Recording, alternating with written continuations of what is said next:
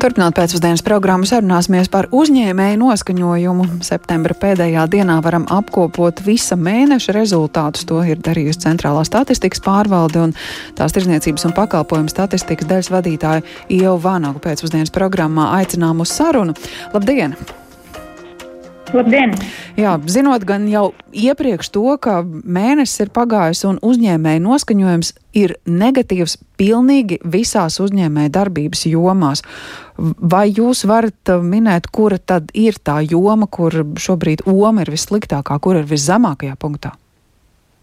Uh, jā, kā jau jūs teicāt, jau ceturto mēnesi pēc kārtas negatīvi ir noskaņojuma rādītāji visās četrās CSP apsakotajās uzņēmēja darbības jomās, tas būtu mazumtirdzniecībā, apstrādes rūpniecībā, būvniecībā un pakalpojumu sektorā. Nu, taču vispesimistiskākie, ja vilkstoši ir uzņēmēja būvniecībā. Kas ir tie iemesli, kā viņiem pietrūkst, lai, lai vidi un šī brīža situācija, droši vien arī skatu nākotnē, varētu mazliet optimistiskāku vērst?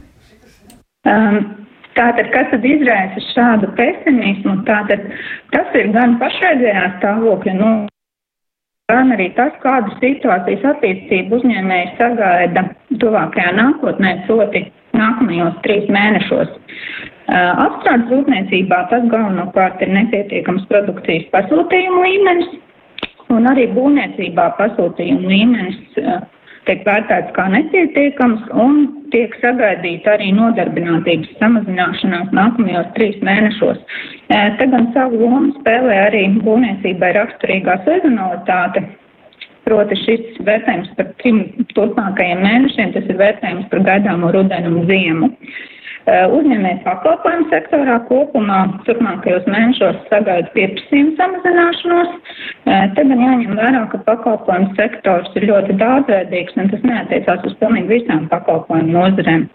Un arī mazumtirgotāji sagaida, ka uzņēmēja darbības aktivitāte turpmākajos mēnešos samazināsies.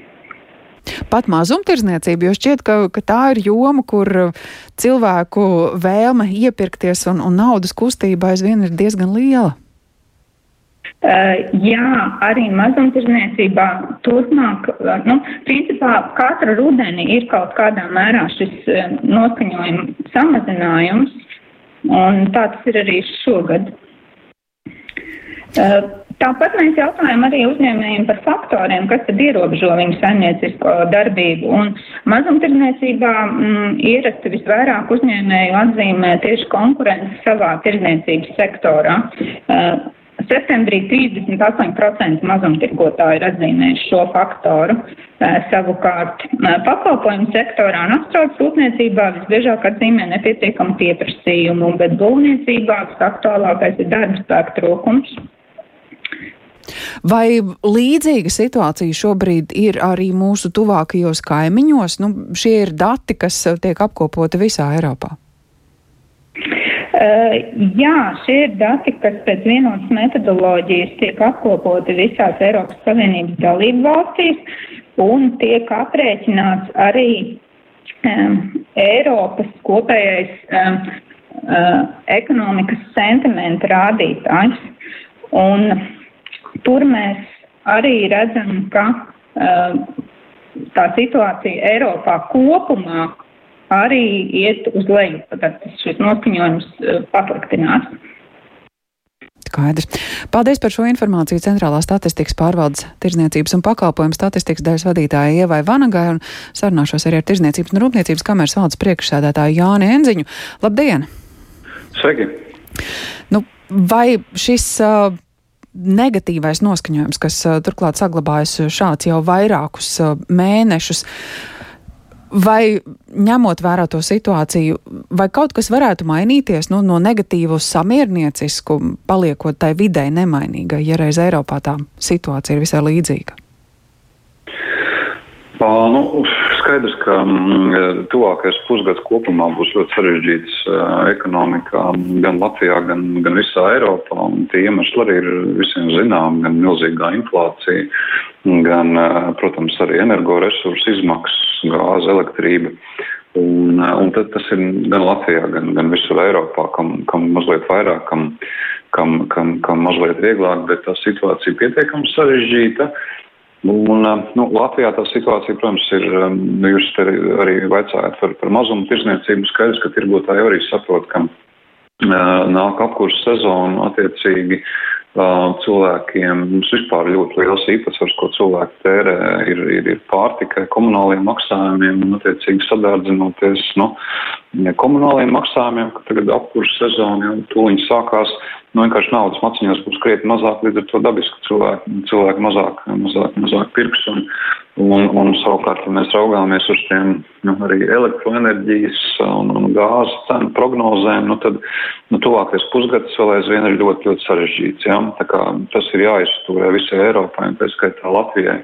Tas, kas gan uh, ir labā ziņa, es teiktu, proti, nu, vakar, vakarā patiesībā parlaments pieņēma šo te nu, energo atbalsta likuma paku ar um, milzīgu summu, tur vairāk par miljārdu eiro. Mums faktiski izdevās, izdevās kopā ar ekonomikas ministriju nu, arī pārliecināt valdību un, un valdību, valdību atbalstīja un virzīja ļoti lielā trieciena tempā šos atbalsta pasākumus arī uzņēmēju pusē. Tur 460 miljoniem. Es teiktu, ka nepārspīlējot patiešām, ja šī paka nebūtu, es domāju, ka mēs pusgadu laikā redzētu nu, tādu sociālu ekonomisku katastrofu, kas iespējams jau radītu arī zināmas pat drošības, drošības riskus. Un es domāju, ka ar šo vakardienas lēmumu nu, tā, nu, tā katastrofa, es domāju, ir novērsta. Un patiesībā, ja Nu, arī aptaujas dati, um, statistikas pārvalde, ko vaicāja, droši vien aptaujas ir veikts kādu brītiņu iepriekš, ne vakar vakarā, ja. Es domāju, ka pēc vakardienas parlamenta lēmuma uh, daudziem uzņēmējiem nu, tas noskaņojums noteikti būs labāks, bet, uh, bet pirms šī lēmuma nu, tur ļoti bēdīgi bija patiešām. Mhm. Nu, šis lēmums, kurš uh, mazliet uh, vieglāku padara to, to skatu turpmākajos mēnešos, un nu, droši vien kā Te atkal varam vilkt paralēlus arī ar citām Eiropas valstīm, kaut kā arī Eiropas Savienības līmenī tā izpratne par situācijas nopietnību un dažādu atbalstu meklējumu, tā skaitā varbūt nodokļu palielināšana tiem uzņēmumiem, kas um, šobrīd saņem lielāku peļņu tieši tāpēc, ka cenas ir uzšaušās debesīs. Nu, šķiet, ka tas skatījums Eiropā ir, ir līdzīgs. Es godīgi sakot, teiktu, nu, visi saprot, ka ir problemātika, bet te man jāsaka, ka, ka es biju daudz vairāk gaidījis no Eiropas komisijas uh, risinājumiem energo krīzai.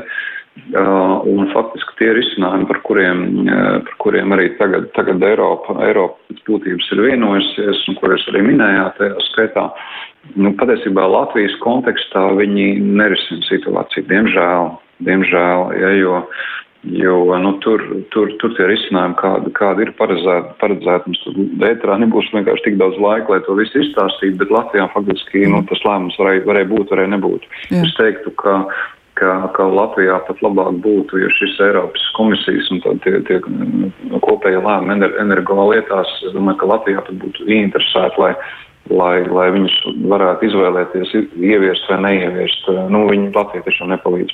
-hmm. Skaidrs. Uh, Katrā ziņā tie ir, tie ir procesi un, un uzmanība šai problēmai, kur uh, nepazūd un neatslāps. Tā kā risinājumi noteikti tiek un tiks meklēti ziemai vēl vairāk tuvojoties. Paldies arī par šo komentāru Tirzniecības un Rūpniecības kameras valdes priekšsēdētājiem Jāni Menziņam. Arī viņu bijām aicinājuši uz īsu sarunu, lai runātu par uzņēmēju noskaņojumu Latvijā. Jaunākā informācija par šo mēnesi jau ir apkopota. Negatīvs noskaņojums visās uzņēmēju darbības jomās un, nu, droši vien ir skaidrs pamatojums, kādēļ tieši tā tas aizvien Latvijā un ne tikai Latvijā, arī Eiropas Savienībā kopumā saglabājas.